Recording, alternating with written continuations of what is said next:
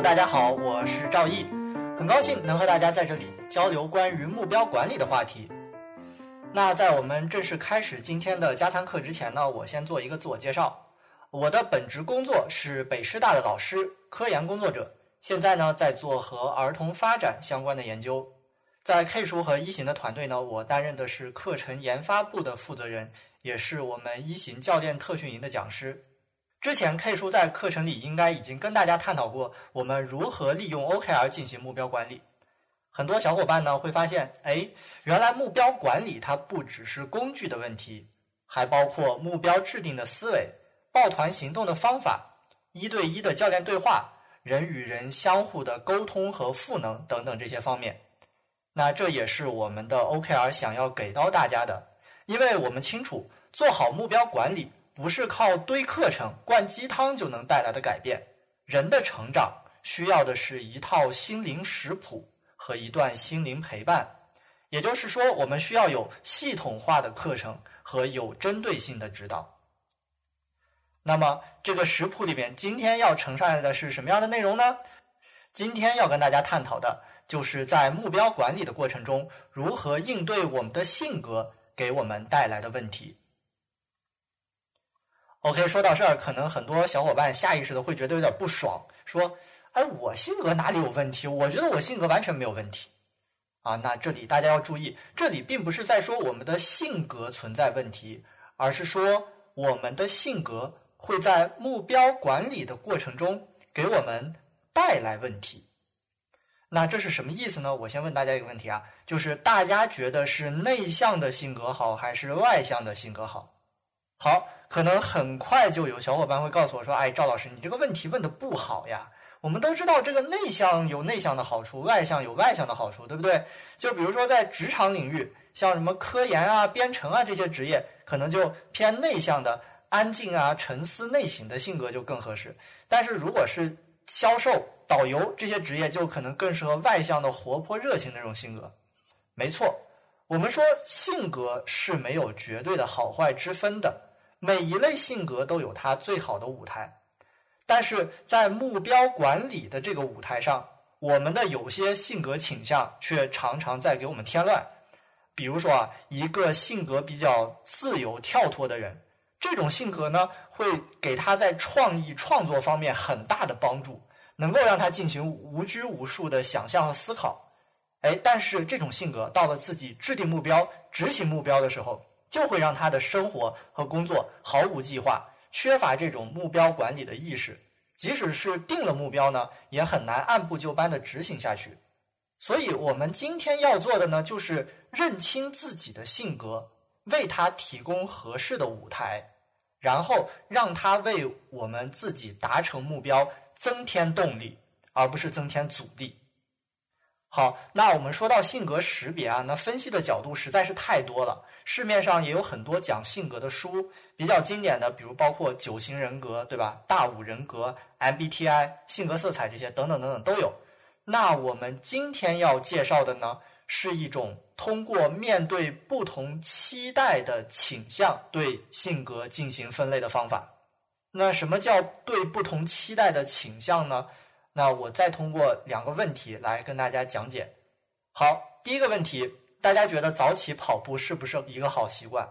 第二个问题就是，那现在大家有在早起跑步吗？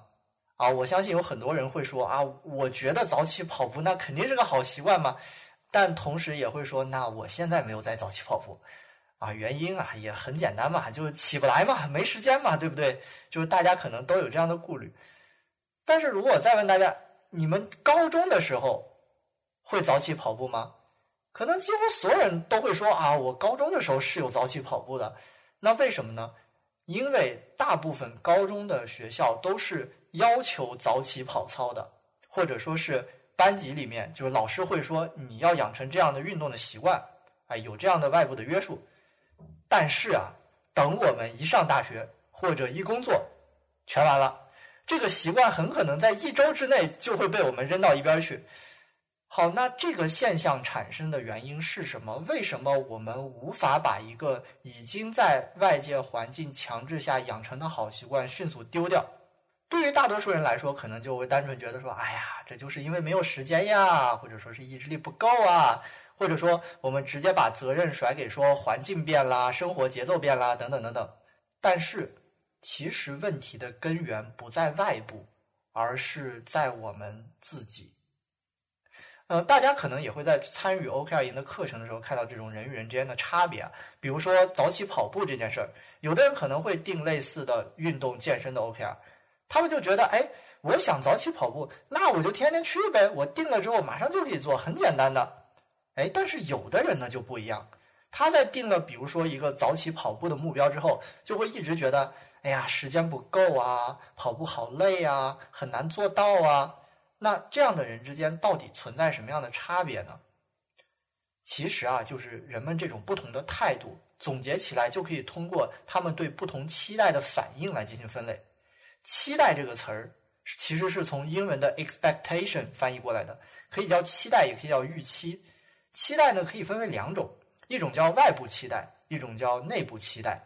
拿这个稍微有点抽象，大家可能不太好理解。我举例说明一下，什么叫外部期待？外部期待就是外部强加给我们的期待，比如说别人要求你在规定时间完成一项工作，或者是学校和老师。外部要求你早起跑步等等，这个叫外部期待。那什么叫内部期待呢？就是我们自己加给自己的期待或者是预期。比如说，我们自己执行自己定的新年计划，或者是自己要求自己每天早起跑步，这个就是内部的期待。而根据人们对这两种期待的不同反应，我们也可以把人分为四种类型的性格。第一种，支持者。他们既倾向于接受外部期待，也倾向于接受内部期待。第二种守义者，他们倾向于接受外部期待，但是更倾向于抵制内部期待。第三种怀疑者，他们倾向于抵制外部期待，但是倾向于接受内部期待。第四种叛逆者，他们既倾向于抵制外部期待，也倾向于抵制内部期待。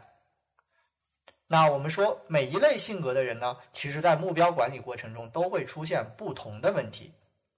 比如说，很多人自己做不到自律，做不好目标管理，其实就是因为他们的性格内心对内部期待是更倾向于去怀疑和抵制的。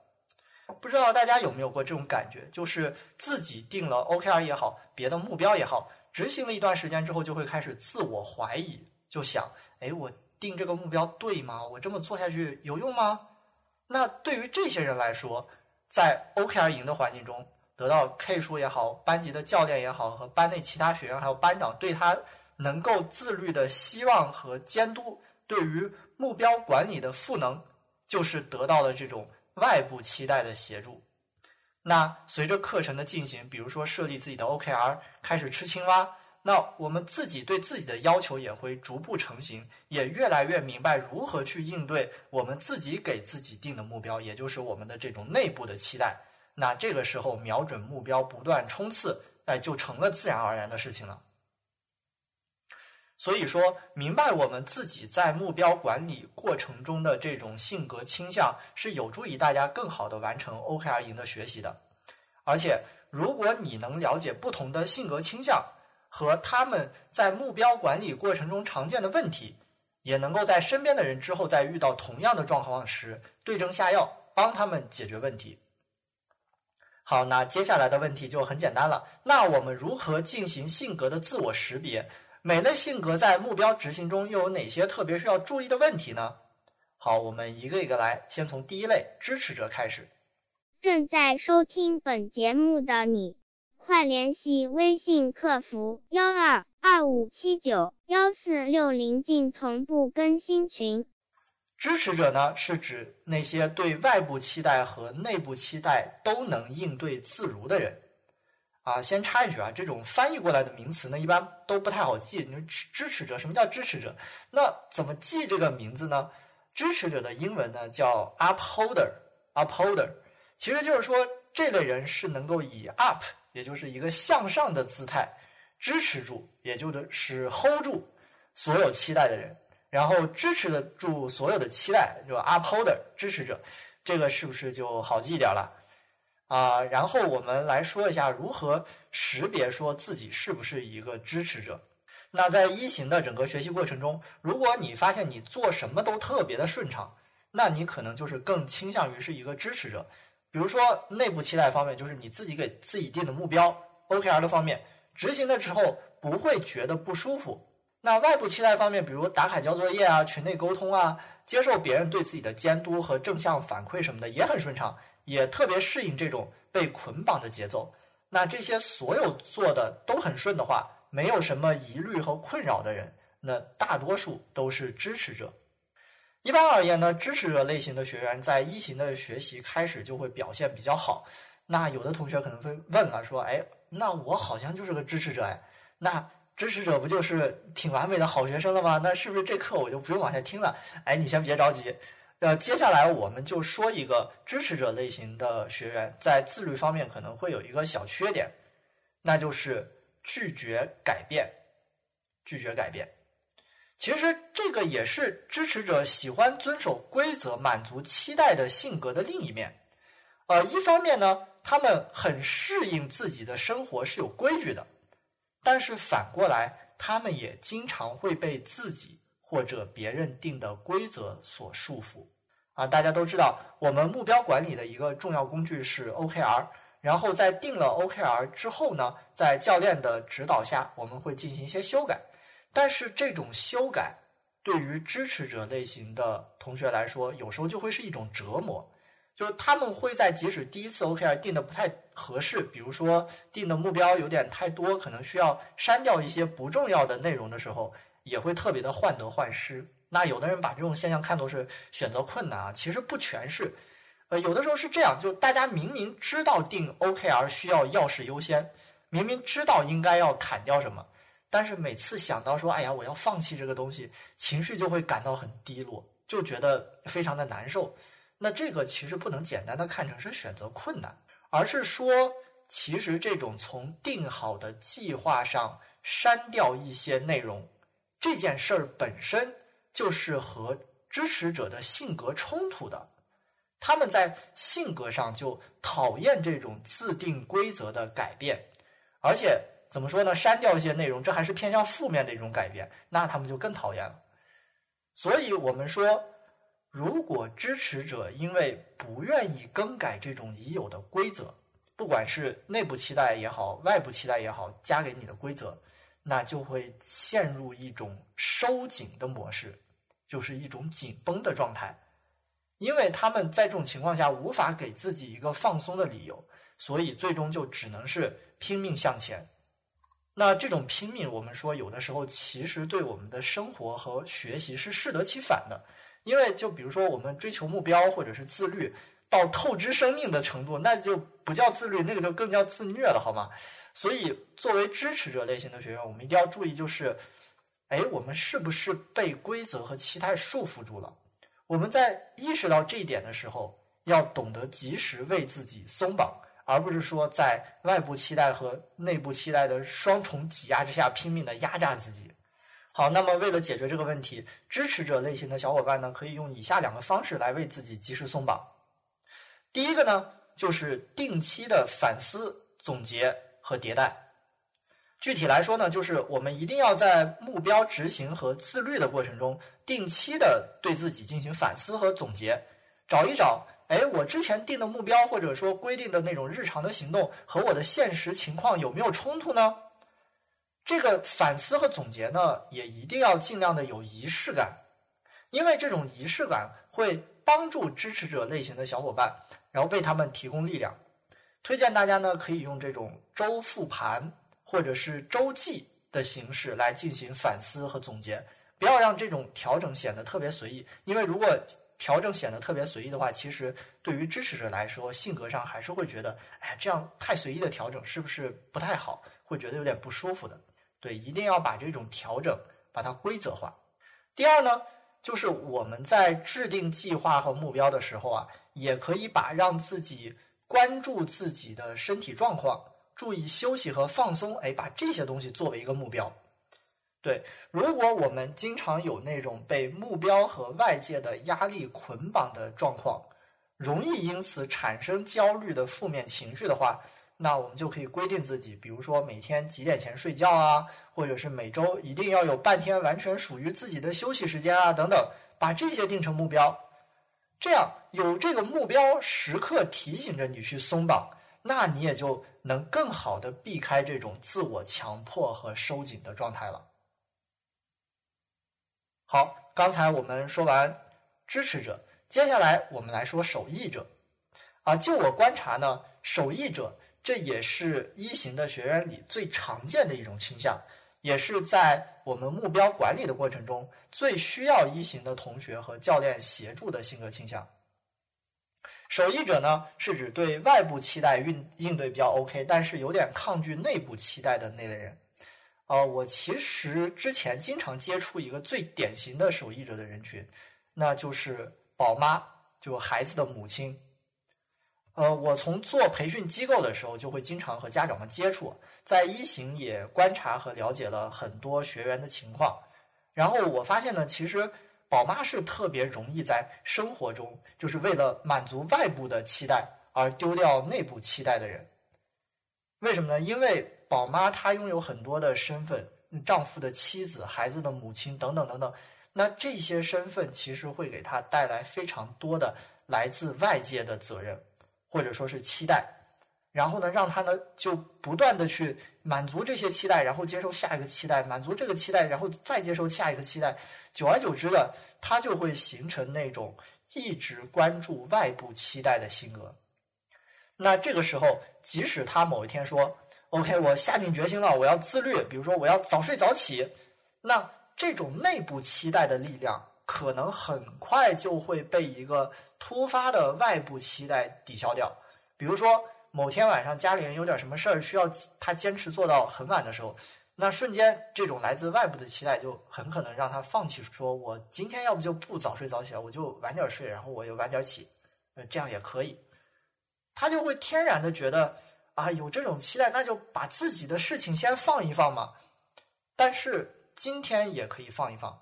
明天也可以放一放，然后自己的那些目标渐渐的就没有然后了。所以大家会发现，特别认同一型的绑架理论，或者说是一个人走得更快，一群人走得更远这些理念的学员们，很多都是宝妈，或者说这些学员都或多或少的有一些守义者的倾向。当内部期待不足以。支撑他们去向着自己的目标去奋斗、去努力的时候，他们就会非常需要有其他人给他们外部期待的力量，包括学员之间也好、班长也好、教练也好，还有 K 数也好，等等等等，来帮助他们完成自己目标管理的行为。所以。作为守义者，最常见的问题就是他们在达到内部期待，也就是自己有自己的目标的时候，通常会很纠结，显得内驱力不足。这个也就是他们非常需要，就是更多的去和其他学员和教练沟通的一个原因。好，那我们说，如果有这样的问题的话，那守义者性格的人们该怎么解决这个问题呢？那我们就要靠主动的去寻找并植入外部监督。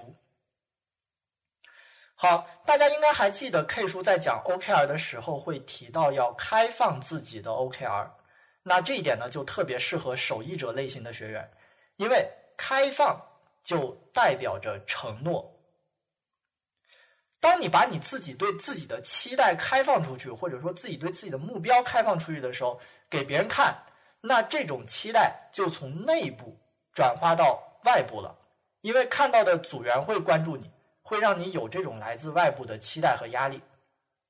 当然，有很多学员在这个时候会觉得不习惯，会觉得啊，我下意识的就会在对这种开放自己的 OKR 感到抗拒、不舒服啊。那好，第一，你觉得不舒服就对了，因为这其实就是你在担心这种来自外部关注的压力。那这种压力我们运用好了，就是帮助我们达成目标的动力，对不对？第二呢，我们可以好好想一想，就是说我们这种抗拒和不适是来自于哪里？有的学员就会说：“哎呀，我要是公布出去了，万一达不成，不就是很丢人吗？”我说要比如说一个月要减十斤，结果我就减了三斤，那我这结果我还哪有脸去见我的组员和教练啊？所以我不想公开。对于这种情况呢，我想说的是，在我们一行的这个平台上，我们没有评判，只有期待。我们没有评判，只有期待。大家对你的关注，并不是说，哎，我来看一看这个人能不能完成。哎，要是完不成，我就看他的笑话，肯定不是这样的。我们相互的关注呢，都是那种正向的期盼和监督。包括这几天大家和教练沟通，应该也能感受到啊，教练们的心态都是静待花开。如果你做的很顺利，那很好，给你鼓励赋能。那如果你做的不够顺利呢，那就和你对话，帮你找到让自己如何做得更顺利的方法。所以啊，我们在这个没有评判的氛围中，去渐渐适应，打开自己。渐渐适应用来自外部的关注和期待给自己赋能的方法，哎，其实是一个非常好的机会。那关于植入外部监督呢，这里就要提到一个很好的方式了，那就是和另一个目标一致的人组成 CP。啊，我想现在在 OKR 营内，可能很多人已经和同组的小伙伴，然后组成这种 CP，然后相互赋能了。那我想说的是，其实这种 CP 的形式。不只适合于 OKR 营内，它也适合于守艺者类型的小伙伴在生活中去运用。就万一大家觉得，哎，我生活中有些事情我是特别需要去做的，但是我一个人做就老是那种动力不足，然后就做着做着，然后就荡下去了，那就不妨我们去找一个好朋友，和他组成 CP，相互督促。相信我，就这样之后，你接受到这种来自外部期待的力量，你肯定会比之前做的更好。那守义者的类型我们就先说到这儿，接下来我们讲怀疑者。呃，怀疑者啊，这个其实翻译也是稍微有点问题啊。它的英文原文是 questioner，如果直接翻译过来呢，应该是提问题的人。那像什么提问题呢？怀疑者主要是向外部期待提问题，包括怀疑者类型的学员在一型的学习中最常见的表现也是提问题，就当课程关于。目标管理啊，或者是 OKR 呀、行动啊，提出一个观点，或者是发布一个任务的时候，怀疑者类型的学员下意识的反应，那不是说 OK，我现在就去做，而是他就开始思考：真的吗？哎，是这样的吗？做这个有用吗？你说的就对吗？啊，当然，怀疑者不一定会把这些话说出来，他可能只是在心里想想。那这里我们描述的是一种他行动的倾向。就是说，倾向去怀疑别人给他的外部期待，包括任务也好，一些观点也好。但是啊，嗯，大家一定要注意，怀疑者这种性格类型呢，他去提这些问题的目的，可不是为了抬杠，而是为了什么呢？而是为了说服自己，说服自己。因为怀疑者这个类型的人，应对这种外部期待或者外部的这种观点或者任务的方式是什么呢？哎，我要把它搞清楚了，我先把它搞清楚了之后，然后内化成我的内部期待，我才能很好的完成它。比如说，我们的课程会说啊，接下来我们要使用 OKR 进行自我管理，可能怀疑者的第一反应就是 OKR，这是个啥东西啊？那我为什么非得用 OKR 呢？那如果这个时候是强行让他去用 OKR，或者是在他一开始 OKR 没用明白的时候，其实这类学员他是很痛苦的。很痛苦，因为这个时候对于怀疑者来说，用 OKR 管理自己是别人给他的要求，这是一个外部期待，还没有成为他自己的内部期待。但是等到他自己通过学习课程、通过提问之后，教练去给他解释了，然后到最后他理解了，运用的也很顺手之后，他就会明白啊，我觉得 OKR 这个东西确实很不错，那我今后也决定要用 OKR 做我的目标管理工具了。那到这个时候，他就不会再有这种痛苦和纠结了，而且这种时候，他给自己定的那种内设的期待和目标执行的会非常好。那么，作为怀疑者类型的同学，我们最常见的问题或者最大的问题和纠结是什么呢？啊，大家应该听过杨绛先生的一句名言，就是很多人的问题在于想的太多，但读书太少。其实这句话很适合描述怀疑者，就是想的太多，做的太少。怀疑者类型的小伙伴通常会有个习惯，就是我特别想在开始做之前把事情想得明明白白啊。但是我们知道，所谓知行合一，对吧？有很多事情其实是我们在开始做之后才更容易把它想明白的。所以，怀疑者在目标管理过程中的最大问题就是他们会在行动上犹豫不决。那这种犹豫其实也是他们的天敌。如果怀疑者们不是自己认识到了某种方法的好处，而是说被别人劝说去做某一件事情的话，他们首先都会有一种审视的态度。那这种审视的态度呢，会让怀疑者们全力启动起来的速度比别的类型的小伙伴更慢一些。那么，如果大家有这种怀疑者的倾向的话，就推荐大家养成一个非常好的思维方式，那就是保持开放。我们都知道，其实我们每个人都有自己固有的一个思维的框架。那所谓怀疑者呢，其实就是在遇到新的事物或者思维方式的时候，我们不是下意识的去接纳融合，而是想用自己的思维框架和这些新的东西去进行碰撞。就比如说，在提到目标管理的时候啊，很多书都会讲到，我们可以设计正向反馈去奖励自己，啊，比如说就举个例子，说奖励什么呢？减肥五斤就奖励自己一个跑鞋啊，这种就是正向反馈。那有些怀疑者类型的同学就会非常抵触这些例子，他会想说。那我觉得不对呀，我觉得这不就不纯粹了吗？这不是太物质了吗？那比如说啊，我定个目标，我说我想读书，我还设置一个我读本书奖励自己一顿大餐这种这种反馈吗？那我不能接受。那这个时候呢，其实怀疑者就是抱持着一种观念，就是正向反馈，那就是在自律的道路上用其他的物质奖励来进行干扰。他抱持着这个想法。然后用自己的思维框架来和正向反馈这个新的认知去进行碰撞，但是我们想想，除了这种碰撞之外，我们还可以用一个什么样的态度呢？那就是保持开放、求同存异的态度。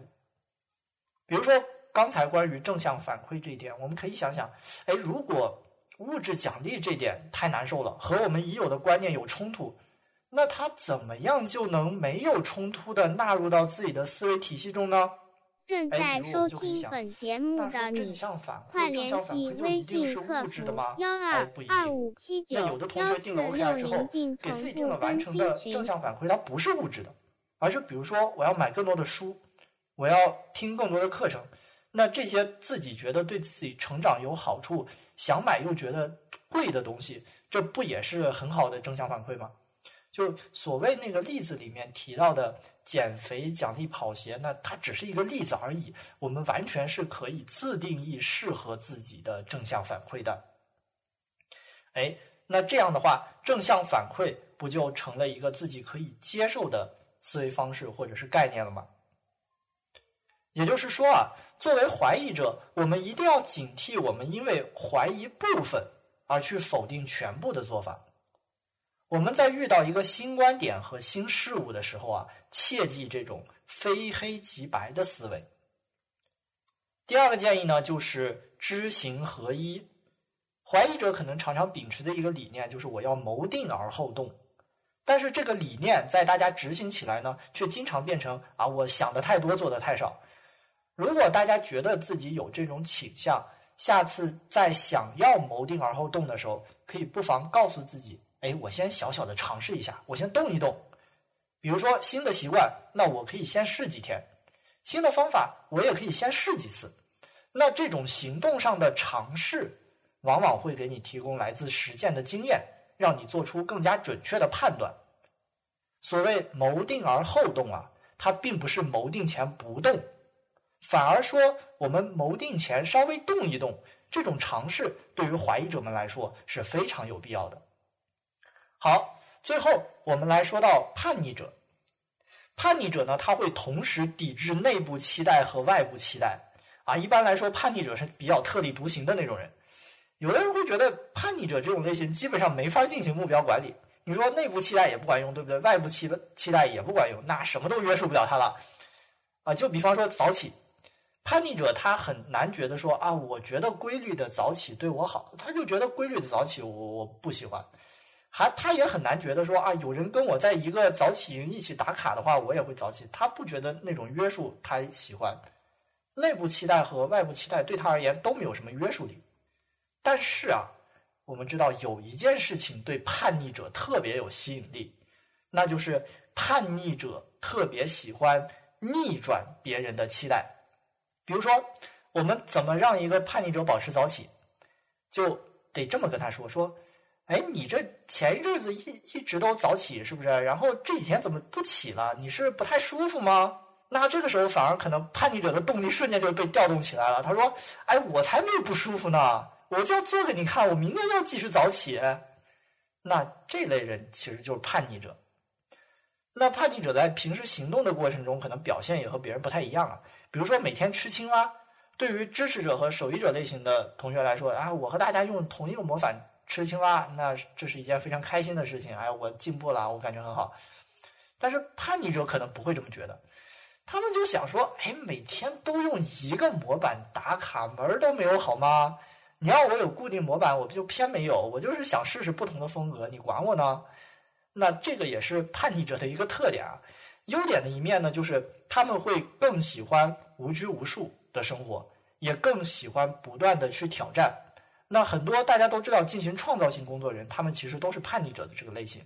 但是啊，在有时候，这种同时抵制外部期待和内部期待的倾向，会让叛逆者倾向于抵制一切的监督和规则。这里呢，肯定也包括了那些对他们生活有好处的规则，比如说规律的早起，比如说节制饮食等等等等。那这个时候，叛逆者他对自由的追求，其实反而会让他们的生活陷入困境，让他们慢慢的失去自由。那我们说，假如自己是一个叛逆者倾向的人，是不是就没法做好目标管理了呢？那当然不是的，因为叛逆者有一个好处，就是他们非常非常的喜欢挑战。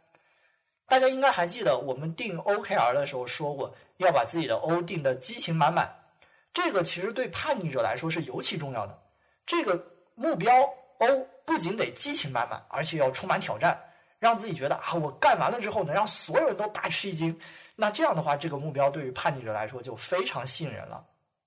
所以，如果大家性格里有这种叛逆者的基因的话，就一定要记得把目标设成挑战，而且大家可以不断的去想象那个挑战完成之后，大家特别吃惊，对你刮目相看的那种感觉。这样就能把原本很枯燥的目标变得让自己动力满满了。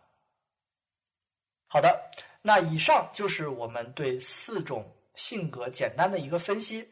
总结一下，我们通过内部期待和外部期待的反应倾向，可以把性格分成了四类：支持者、守义者、怀疑者和叛逆者。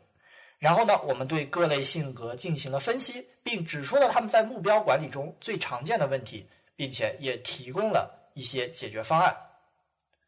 那讲了这么多，可能大家会说：“哎，赵老师，那我该怎么知道自己的性格类型啊？”那今天的课程附录里呢，会有一个小测试。这个测试呢，是四类人格倾向分类法的创始人格雷琴设计的一套问卷。大家测一下，就能看出来，哎，自己哪个性格倾向的得分更高了。那在课程的最后。提醒大家，在进行这种自测时，也是之后大家使用任何的性格测试或者是心理学的测试的时候，需要注意有两个关键的问题，一定要记住。第一个呢是性格倾向，可能是因环境而异的，可能是因环境而异的。就像刚才我在讲整。节课的时候，大家在听的时候可能就觉得，哎，我怎么觉得自己既有这个倾向，又有那个倾向？就我在好像在生活里面就就这个倾向，但是我在工作里面就有那个倾向，这怎么办呢？哎，这个是特别正常的。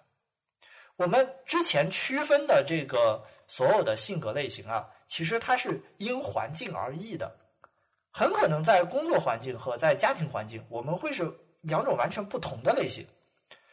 而且在课程的学习中，可能也是一样的。就比如说在前期学习一些内容的时候，我们更倾向于相信和接受，那我们可能是一个知识的类型。但是自己进行到一段时间之后，倦怠感来了，可能我们会更多体现怀疑者的倾向，这都是有可能的。所以性格倾向可能是因环境而异的，不是说一个标签贴在自己身上，我们在哪都是这个样子，不是这样的。好，第二，刚才我们说到标签儿，那我们使用这类测试去自测也好，就是今天的这个测试也好，之后所有的心理人格测试也好，我们的目的。是用它提供给我们的那些标签进行自我管理，而不是测完了之后让我们自己活成这个标签对，就我希望大家想想，就是我们说的，比如说这些性格倾向，在一个人身上是完全不会改变的吗？那肯定不是的。这种倾向其实也是可以通过培养去进行改写的。就比如有的人觉得，哎，我是不是在面对我内部期待，就我自己定的目标的时候，我处理的不太好啊？我是个守义者，所以我才做不到目标管理啊之类的。但是大家要知道，这种倾向不是一成不变的。大家会看到，通过 OKR 营，我们让很多小伙伴们一点一点的在对话的过程中，在相互沟通的过程中，变得慢慢的更加了解自己，更加懂得。如何去利用自己的内驱力，更加懂得如何去应对自己的内部期待，最终推动自己走向了我们通往目标成功的道路。所以说，我们在使用这些分类方法的时候，也一定要注意，就保持开放这样的一个态度。不是说我们要把某个类型的标签贴到自己身上，然后撕不下来了啊，自己就是这样的一个人。不，不是这样的。我们一定要知道，我们是在不断成长的，我们是在不断变化的。那么，使用任何性格分析方法去认识人的目的，都不是为了给别人贴上某个类型的标签。我们之所以学习这一课，是为了通过准确的认识自己，从而更好的行动起来。好的，那么之后呢，给大家留几个比较简单的作业。第一个呢，就是希望你来对自己剖析一下，哎，你觉得自己在自律方面，或者说是在目标管理方面，是一个什么样的性格类型？第二点呢，就是你认为最体现你这个类型的一个例子是什么？嗯，如果可以的话，请你讲一个故事或者是案例。第三呢，就是请大家想一想，就是在你的那个目标管理道路上，这个类型给你带来的最大的问题是什么？那第四呢，就是这个问题，你想想自己是如何解决它的呢？那如果没有解决的话，那听过今天的课程之后，你又打算如何去解决它呢？好的。那么今天的课程就到这里，唯有行动可破焦虑，也期待之后能和大家有进一步的交流。我是一行的赵老师，再见。